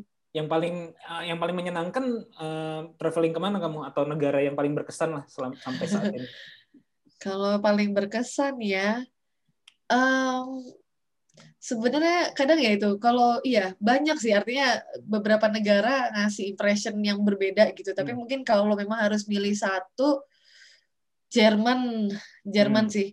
Hmm. Karena Jerman tuh eh, ada beberapa momen-momen yang em, itu menjadi turning point hidup juga sih gitu loh. Hmm. Jadi Jerman tuh jadi kayak semacam saksi bisu CL lah saksi bisu. Jadi turning point kayak dulu kompetisi internasional pertamanya Ecofan tuh kita waktu itu menangin kompetisi dari perusahaan Jerman dari Hmm. Bayer namanya Hmm. Bayer Young Environmental Envoy. Waktu itu kita kayak kepilih um, jadi salah satu jadi satu dari empat pemenang yang dipilih kan empat. Nah Hmm. hadiah dari kompetisi itu tuh kita uh, diundang ke Jerman seminggu ke Leverkusen untuk kayak visiting company-nya dia, terus kayak ada cultural experience-nya di sana gitu. Hmm. Jadi itu benar-benar pertama kali ke Jerman tuh dulu tahun 2010 dan negara Eropa pertama ya Jerman itu gitu loh. Dan tapi memang karena kompetisinya kompetisi internasional yang juga sangat uh, dikenal gitu kan sama banyak uh, sejak beres dari kompetisi itu tuh emang nama Ecovan ngelambung banget gitu. Jadi Hmm. mulai dikenal media media di Indonesia gitu-gitu kan media-media nasional gitu. Terus habis itu balik lagi buat sekolah itu ke Jerman. Yang kedua em, apa di Göttingen Hmm. dan sebenarnya highlightnya kalau dari itu ketemu suami di situ sih. Oh. Jadi apa suami sekolah juga tapi suami orang Indonesia Hmm. lagi sekolah juga terus em, apa eh ya udah kita sama-sama mahasiswa di situ terus ketemu pas lagi sekolah terus pulang cuma jeda berapa bulan langsung merit gitu. Jadi oh, jadi benar-benar itu karena juga sih. jodoh ya. Iya, dapat jodoh. Jadi apa ternyata jodohnya jauh jemputnya harus harus terbang jauh gitu kan. Ya udah habis itu eh iya habis dari Jerman itu eh dari sekolah itu pulang terus sempat balik lagi ke sana waktu itu menang dapat eh, grant juga dari dari apa dari universitas dari bukan dari universitas dari yayasan yang kolab sama kampus akhirnya waktu itu bikin project eh, untuk ngenalin gamenya di sana gitu jadi kita kayak Oh, iya, iya, iya. bikin apa sih riset kecil-kecilan lah kayak pengen apa melihat kayak apa sih penerapan hidup mm, green living uh, nya orang-orang Jerman dan di Hmm. compare sama di Indonesia gitu tapi Hmm. sambil kita ngenalin uh, game Gamenya. Ecovanopoli ke mereka Hmm, gitu hmm, hmm. kayak gitu Iya, menarik, menarik, menarik. itu sih Jerman sih yang bisa jadi karena beberapa ya uh, momentum turning point ada di situ gitu Hmm. tapi selain itu ya USA sebenarnya menarik juga sih karena emang gimana sih Amerika kan Biasanya di mana? Ke- eh, pernah ke mananya? Saya Atau per- di East Coast sih di di daerah DC ya Hmm. dulu pernah magang apa kayak ikut fellowship jadi kayak magang kerja gitu di satu perusahaan tax consulting di sana Hmm. Em, eh, tinggal sama jadi program itu emang kayak ngenalin American culture juga jadi kita Hmm. nggak tinggal di hotel jadi tinggal di rumah orang Amerika Rumah- jadi rumah. benar-benar ngerasain banget kayak jadi gimana sih hidup sama hidup jadi Hmm. orang Amerika gitu loh. Jadi Hmm. emang berkesan banget sih gitu. Dan Hmm. tentunya kalau East Coast ya bisa keliling-keliling daerah. Saya waktu itu ke ini sih ke Virginia. Pennsylvania sama ke New York yang Oh, pasti iya, ya. iya, iya, iya, iya. Iya. Tapi emang luar biasa sih. Karena ya emang ya nggak tahu ya. Kalau saya sih emang eh, terpapar oleh American culture gitu. Maksudnya kayak series gitu kan film Iya gitu. jadi itu surganya banget buat yang suka film-film. Iya, iya, iya, iya, iya, betul, betul, betul. Lalu mau iya. ngeliat Washington DC aja kalau ngeliat Washington Monument wah itu yang Spider-Man loncat di situ Jadi, gitu kan, Ah, nah, aku juga pernah bikin uh, pas lagi, tapi pas lagi sama istriku tuh pas lagi ke Berlin, uh, Hmm. uh, kita ya tadi gara-gara suka main juga, jadi kita bikin mainnya adalah mengunjungi uh, uh, dan suka nonton, jadi mengunjungi yang sudah dimainkan waktu itu istriku tuh suka uh, film Born, Born uh, Identity, nah itu kan oh Jason Bourne Jason iya, Bourne. iya. Nah, dia kan uh, ada salah satu di di uh, yang pertama tuh di situ. Jadi oh iya yang Berlin oh iya benar-benar ada yang Ah, Berlin ya uh, kita ngelihat oh ini hotelnya nih. Ini di di yang dia pas Wih, pisah asik sama banget. si jadi Oh. jadi soal soal begitu-begitu. Oh iya, iya kok nggak kepikiran nggak keperli nggak kepikiran Born Tour ya selama di Berlin iya ya Eh, itu yang Born yang keberapa kedua ya Born kalau nggak salah ya Satu atau dua ya. Uh, yang eh, terus si Matt Damon-nya juga ngomong bahasa Jerman gitu kan jadi kayak ah, iya, iya, iya. iya, iya. Nah, itu yang dia itu. loncat stasiun bukan sih Iya pokoknya betul betul. Satu atau dua ya kalau nggak salah. Iya kayak gitu lah. iya iya iya iya iya eh dua dua Iya, iya. dua serius dua dua dua betul betul. Ah, jadi yang kedua Iya kayak gitulah. Nah terus eh, ya tadi jadi menggabungkan itu sebenarnya kalau karena aku bukan di bidang itu, tapi kan kamu kan udah penulis juga, gitu. penulis Heeh. traveling. Kayaknya cocok Heeh. deh J. Kalau kalau sok-sok ngasih saran, iya iya iya Ih, emang emang emang apa ya sempat dulu tuh sempat saya tour gitu kan. Heeh, sempet kepikiran dia jadi em, buat kayak movie gore movie gore gitu kan. Kalau misalnya ke mana Iya. gitu saya juga kadang kalau pergi satu negara tuh akan kayak cari oh ini pernah scene apa? gitu loh. Jadi kayak wow gitu. Waktu di Amerika tuh ya Allah ada kan ada film tuh judulnya Silver Lining Playbook tuh filmnya Iya. Bradley Cooper. Eh, itu kan di Philadelphia kan? Philadelphia. itu sampai kayak ending scene-nya mereka itu kayak itu kan ada satu toko jalanan sebenarnya itu kayak toko permata toko perhiasan gitu. Itu kayak tempat mereka berdiri itu tuh sampai oh ini ya ampun padahal cuma jalanan biasa aja trotoar biasa tapi kayak oh my god oh my god heboh Iya, sendiri kayaknya- ya. Heboh Eh, sendiri. heboh sendiri gitu jadi kayak ya temen yang kalau yang misalnya nggak ngerti filmnya kayak apaan sih kayak cuma ini kan kayak cuma jalanan biasa doang gitu Iya, tapi kan Kadang-kadang film kita tuh jelasin ke orang su- ini ya sulit ya namanya. betul betul kalau kalau kalau ke Inggris sudah pernah berarti? Inggris belum. Eh, itu i- belum. lucunya tuh ya Inggris itu adalah negara impian dari kecil. Jadi waktu kecil tuh pengen ke Jepang sama ke Inggris, dua Hmm. negara ini. Hmm. Tapi menariknya sampai sekarang belum ke Inggris gitu. Hmm. Tapi Soalnya kayaknya kan kalau Potter kan. Soalnya kan Harry Iya. Potter. iya emang kayak masih agak eh, ya kurang afdol ya. Tapi Kurang mungkin afdol. kalau corona selesai kayaknya eh, kalau emang ada jalan ke sana akan berangkat sih ke sana kayaknya. Eh, Kayaknya perlu gitu ya ngunjungin apa reunian sekolah di oh, ini ya di Hogwarts, di Oxford. Nah, kamu eh, kan sekolah dan judul bukunya juga student traveler gitu. Terus sekolah ke Jepang, ke Jerman dan segala macam. Eh, which come first? Mana yang datang lebih dulu? Pengenan sekolahnya atau ah sekolah di sana gue gue jalan-jalan gitu. Jadi eh, karena sekolah di sana pengen jalan-jalan apa gue pengen jalan-jalan di Eropa jadi gue milih sekolah ya atau gue pengen jalan-jalan di Ah, Jepang gue oke. milih sekolah. Iya, iya, iya. Oh, oke, oke. Nah, eh, gimana ya kalau kalau jadi kalau waktu saya dulu kan emang niat ngerencanain pengen sekolah kan beres S1 tuh. Maksudnya pengen apa? Pengen studi di luar negeri gitu. Hmm. Kalau saya itu sebenarnya megangnya gini, em, nggak ada negara yang benar-benar harus gitu. Misalnya, oke, pokoknya saya mau nggak mau gimana caranya harus di Inggris misalnya. Hmm. Karena ya saya emang pengen jalan-jalan ke sana. Jadi Hmm. Oh. karena waktu itu kayak posisinya saya masih banyak negara yang belum dikunjungi dulu kan juga baru berapa negara jadi kayak larinya apa pun negaranya selama masih masuk ke inilah jadi agak lebih fleksibel gitu loh. Tapi yang pasti apa pun negaranya ah, saya bakal jalan-jalan gitu loh for sure gitu loh. Jadi waktu sebenarnya itu ke Jerman itu bisa dibilang tidak di plan dalam arti oh ya em, pengen jalan-jalan ke Jerman ah daftar ah beasiswa ini untuk biar bisa ke Jerman gitu. Kak itu karena waktu itu emang pas rezekinya dapat itu. Jadi sebelumnya Hmm. tuh udah daftar ke apa ke Korea ke US juga pernah daftar gitu. Pokoknya nggak dapet kan gitu akhirnya dapatnya Jerman ya udah karena ada di Jerman dan ya udah bisa jadi ke mana-mana gitu. Kalau saya sih lebih ke negaranya apa pun itu once landed di situ sih pasti akan cari akan akan pergi keliling gitu loh. Jadi nggak nggak yang kayak bener-bener ah pokoknya saya mau Australia gimana caranya? Karena emang pengen misalnya ke apa ke ulurunya ke mana gitu. Jadi Hmm. apa pun itu bagus sih jadi bisa ini aja. Kalau Jepang ini juga karena emang perlu apa kesempatannya emang ada Hmm. Adanya ya ke Jepang gitu tapi kayak emang dipikir-pikir ini kan cita-cita dari kecil ya Hmm. tapi benar-benar kayak benar-benar eh, saya kan baru di sini empat bulanan ya Hmm. benar-benar bersyukur banget gitu loh kayak ya ampun Pak kalau di kereta tuh kan kita kan dari kampus ke tempat tinggal kan naik kereta tuh Eh, Keretanya tuh BTW, banget. Jep- Mm. Jepangnya di mana eh, terdampak? Ini nggak kemarin kan gempa ya? Gempa Oh, di itu gempanya di Tohoku alhamdulillah kita nggak kena sih. Kita Oh, di. Kyoto agak-agak bawah ya, Bawah, agak ha. selatan. Oh iya iya. Alhamdulillah enggak sih, jauh Hmm, agak jauh dari ya? titik gempa. Oh, iya, Jadi iya. waktu pas gempa, gempa itu kita nggak nggak ngerasain. Tapi ada teman yang di Hmm. Tohoku kerasa banget dia Kerasa bilang. banget ya. Oh iya iya iya. Mhm, mhm. Iya, Jadi emang ya. ini banget gitu, Hmm. emang ngeri banget sih.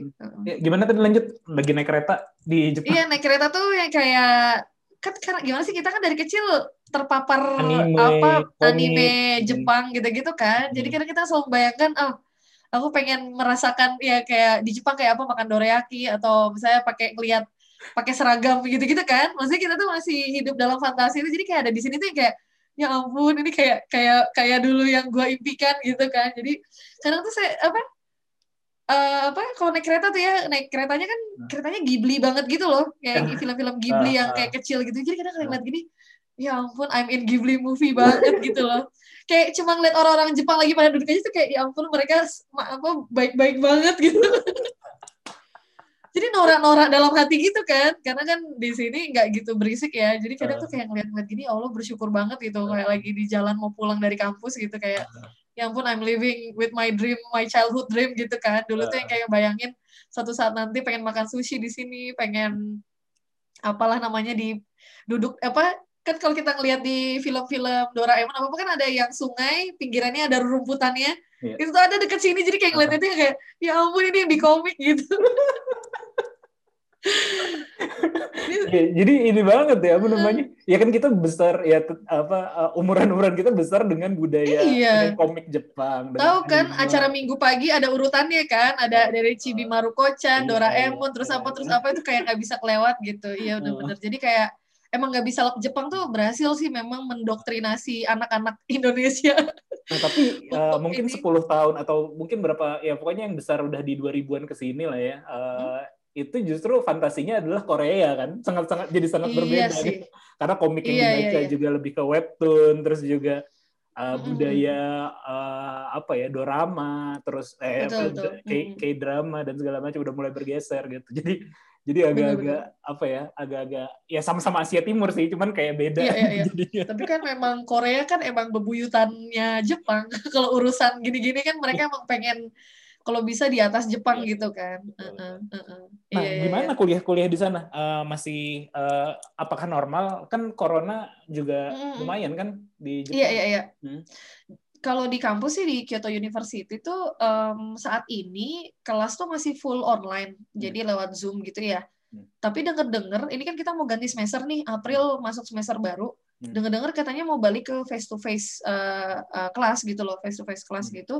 Cuma karena sekarang kota-kota gede ini lagi apa declare uh, state of emergency, Hmm. jadi memang sebenarnya emang disarankan untuk tidak bercampur gitu loh, tidak berkumpul Hmm. gitu. Makanya di sini pun kayaknya kayaknya mereka juga masih serba apa ya? Ada apa pasti ya kayak masih maju mundur maju mundur gitu loh. Jadi memang kayak ini dengar-dengar katanya April nanti kelas semua balik ke apa ke uh, offline gitu. Hmm. Tapi kayaknya lihat nanti juga gitu loh. Hmm. Jadi artinya setiap ada pengumuman apa tetap aja bisa aja minggu depan tuh tiba-tiba berubah, Berubah. gitu.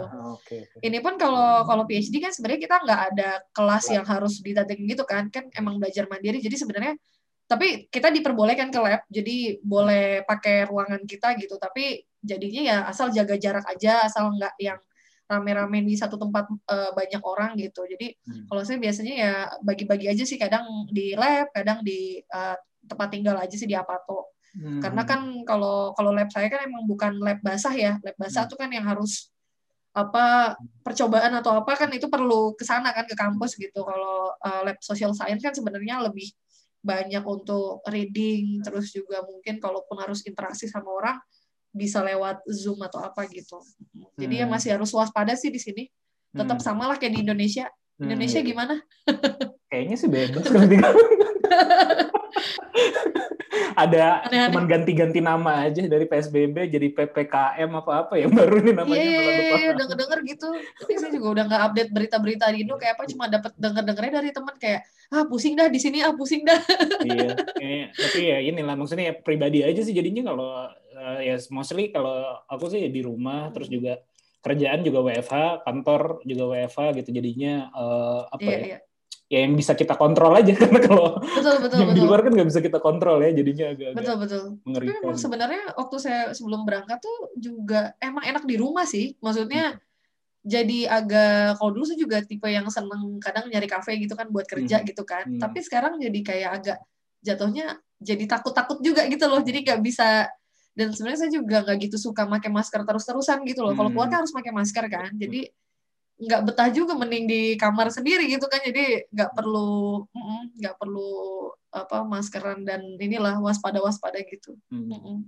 Pak- Tapi kita diperbolehkan kok jalan-jalan apa boleh sebenarnya di sini. Oh, iya. Kan ekonomi juga harus berputar kan kalau orang nggak keluar juga mati tuh. Kasihan ini di Kyoto yang base-nya wisata. Hmm. Mereka ya masih struggling sebenarnya banyak Iya. banget yang struggling Hmm. bisnis-bisnis tuh restoran, terutama travel agent ya.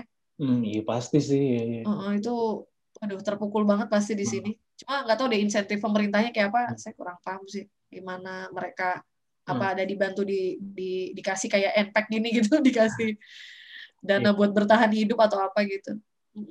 A- ada rencana untuk apa ya eh, meng- mengkawinkan atau ya tadi ya memang kan kuliahnya ambilnya environmental education gitu dan eh, Mhm. kaitannya sama Ecofund ini juga.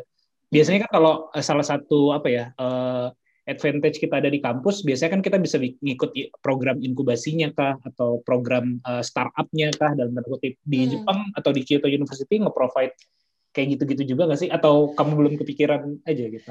Ah, sebenarnya sih sebenarnya kepikiran ya, artinya kayak ngelihat ngebangun network dari sisi bisnis di sini. Hmm. Cuma kayaknya kalau ini mungkin saya terlalu dini juga karena memang sejak mulai sekolah corona gini tuh kita emang agak social minglingnya tuh agak Iya, bukan udah bukan kurang ya malah nggak ada gitu loh. Hmm. Jadi Iya. kan klub-klub klub-klub kan tutup segala Hmm. macam meski ya jadinya mereka punya event eventnya online jadi kayak agak emang agak garing misalnya pengenalan apa gitu. Hmm. Jadi memang saya juga jadi sampai detik ini udah empat bulanan di sini tuh belum tahu banget eh, ekosistem di Kampus. di kampus tuh sebesar apa dan apa-apanya opportunity-nya kayak apa gitu loh. Jadi Hmm.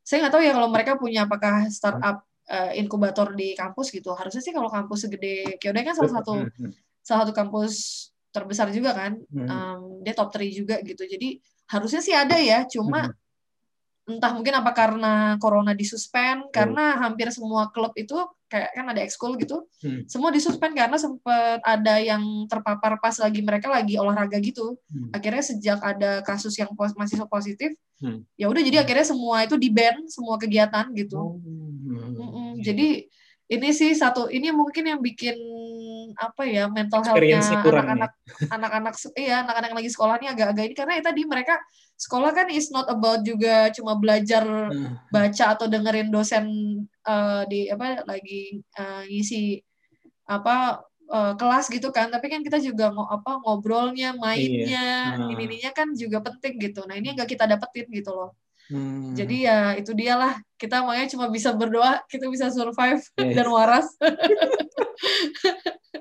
waras sih yang Iya. penting soalnya aku lihat Jepang juga udah mulai, maksudnya kan memang belakangan agak eh, apa ya eh, didominasi sama Ci- Cina gitu ya kalau di Indonesia untuk eh, eh, startup way-nya lah gitu eh, atau Iya, bisnis eh, as a whole. Tapi eh, belakangan ini udah mulai-mulai masuk juga nih ada salah satu eh, venture capital atau PE mungkin ya lebih lebih tepatnya dari Jepang juga dan dia juga cukup apa ya bold gitu ya cukup ya namanya bold investment sih kebetulan cuman oh bold. Uh, bold investment tapi dia juga cukup cukup apa ya uh, giat gitu kayak lagi oh, open gede-gedean gue pengen Oh, masuk ya? ini pengen iya jadi maksudnya apa namanya bold ya? Bold, ya, bold. bold investment. Bold venture Uh, oh invest bold investment kalau nggak salah Ven- ventures bukan. Oh bold. Hmm, lupa sih aku namanya. Kalau nggak salah bold investment deh iya Ah, ada boleh tuh coba dicari ha. tapi itu itu uh, representatif yang ada di Indonesia tapi pasti di sana juga ada gitu kan Uh, pasti ada sih juga ha. pasti kalau deket apa di kampus pasti kan akan akan ya biasanya banyak privilege-nya kan eh, dari inkubator Iya, iya. kampus kayak atau dari itu Coba pasti ya, ya, coba coba cari ya. Coba Hmm. deh nanya ke international office mungkin ada kali ya. Hmm, iya iya Apa ininya em, lembaga atau wadahnya atau klubnya atau apa gitu ya. Jadi pasti bisa. ada sih harusnya jadi ini ya Hmm. mungkin akan lebih bermakna Eh, S S3 kan berapa tahun ya? Tiga tahun. Iya sih Pak, panjang sih ya. apa? eh, eh. Cuma ya ini juga ngelatih ngatur manage waktu juga padahal kan kayak sekarang nih em, iya Hmm. tingkat satu ini kan masih emang disuruh untuk tadi ya nyelamin ilmunya lebih dalam lagi jadi suruh banyak baca padahal tapi kayak tuh rasanya tuh tetap aja manage waktu tuh kayak masih apa masih agak susah payah gitu loh maksudnya kayak kadang ada aja yang apa perintilan-perintilan harus dikerjain gitu kan plus kan juga ngurus usaha dari sini kan juga harus nyisihin waktu gitu jadi kayak Hmm. memang masih harus bisa ngatur waktu dengan baik lah gitu dan Hmm. ngatur energi sih lebih tepatnya ya tapi mudah-mudahan sih sambil berjalan ya akan ada opportunity opportunity yang bisa dieksplor ke depannya sih Hmm. gitu Mm. sip lah sip lah oke thank you Eh, ini saya ini kayaknya udah udah panjang udah kelewat panjang banget aku baru nge- Iya, iya, iya udah lama banget ya. Eh, eh, ya banyak banget yang bisa bisa aku eh, ambil ya. Jadi mungkin eh, apa ya, dari obrolan kita ya. Eh, Mungkin terakhir ini ya kaitannya sama bingung nih sama yang mana ya. Sama yang jalan-jalan deh ya, yang traveling. Iya, yang iya, iya. belum atau yang diinginin banget saat ini eh, apa negara mana dan kenapa gitu. Ah, oke, negara yang tadi kalau sempat bilang. Inggris, Hmm. eh, iya ya. Sebenarnya tuh udah udah planning, udah pengen banget sih Hmm. ngerencanain meski kayak belum ada waktu dan waktu itu juga prioritas juga berubah-ubah kan ya. Maksudnya Hmm. untuk nyusun trip ke ini. Sebenarnya sih masih memang masih penasaran Inggris ya. Terus Hmm. kebetulan suami juga eh, fansnya Liverpool. Jadi kayak iya, jadi kita punya tujuan sendiri-sendiri di sana tapi pengen pengen ke sana gitu. Jadi kayak kita lagi rencanain oke lah kita cari waktu buat ya tadi cari waktu sambil nabung-nabung biar bisa ke Inggris jadi biar dia bisa ke Liverpool saya bisa touring around London yang itu kan full of uh, juga story-story ya Sherlock Holmes Iya. terus juga apa Harry Potter Potter. terus film-film Inggris-Inggris Ah. Iya tahu lah ya film Inggris gitu jadi kayak itu mungkin yang masih belum tercapai sih Inggris um, sama kayaknya ada satu ya yang pingin banget dan belum Hmm. Eh somewhere in Afrika kok lupa oh Maroko nih pengen ke Maroko Hmm, iya sih. Maroko kan juga free visa uh-uh. Mm-mm. Nah, tesnya ini sih apa? Arsitekturnya menarik ya kalau itu dan tuh. Maroko sering masuk ke jadi setting game entah kenapa Iya. Maroko tuh iya kan Iya, iya, iya. sering jadi kayak scene di Maroko gitu Ah, pokoknya Iya, iya. Iya, karena arsitekturnya warnanya warnanya menarik. Iya. Aku pernah Iya, iya, gitu. war- jadi, iya. jadi memang memang apa ya? Apa ya? Nggak tahu ya. Beda lah beda sih mungkin. Iya iya benar-benar satu. Maroko tuh entah kenapa uh, sen- sen- sensasinya beda. Ya kayak dia agak ke Arab tapi nggak Arab juga iya, gitu. Eh, eh, eh. Masih ada tes ininya. Oke, thank you banget ya eh, sekali lagi. Iya, iya, sama-sama, Mas Panji. Anisha Arsyad atau Anisha Pot Potter gitu. Anissa Potter aja. Anisha Potter. Nanti, Ini soalnya nama iya nama sekolah ini Anissa Arsyad. oh, Dan nama sekolah. oh iya iya iya iya iya iya. Oke, ini aku tutup dulu ya. Nanti baru kita udahan gitu. Eh, Sip, sip, sip. Uh, Oke, terima kasih yang sudah mendengarkan obrolan kami sampai akhir. Uh, sampai ketemu di podcast Ngobrol Bisnis episode selanjutnya. Bye.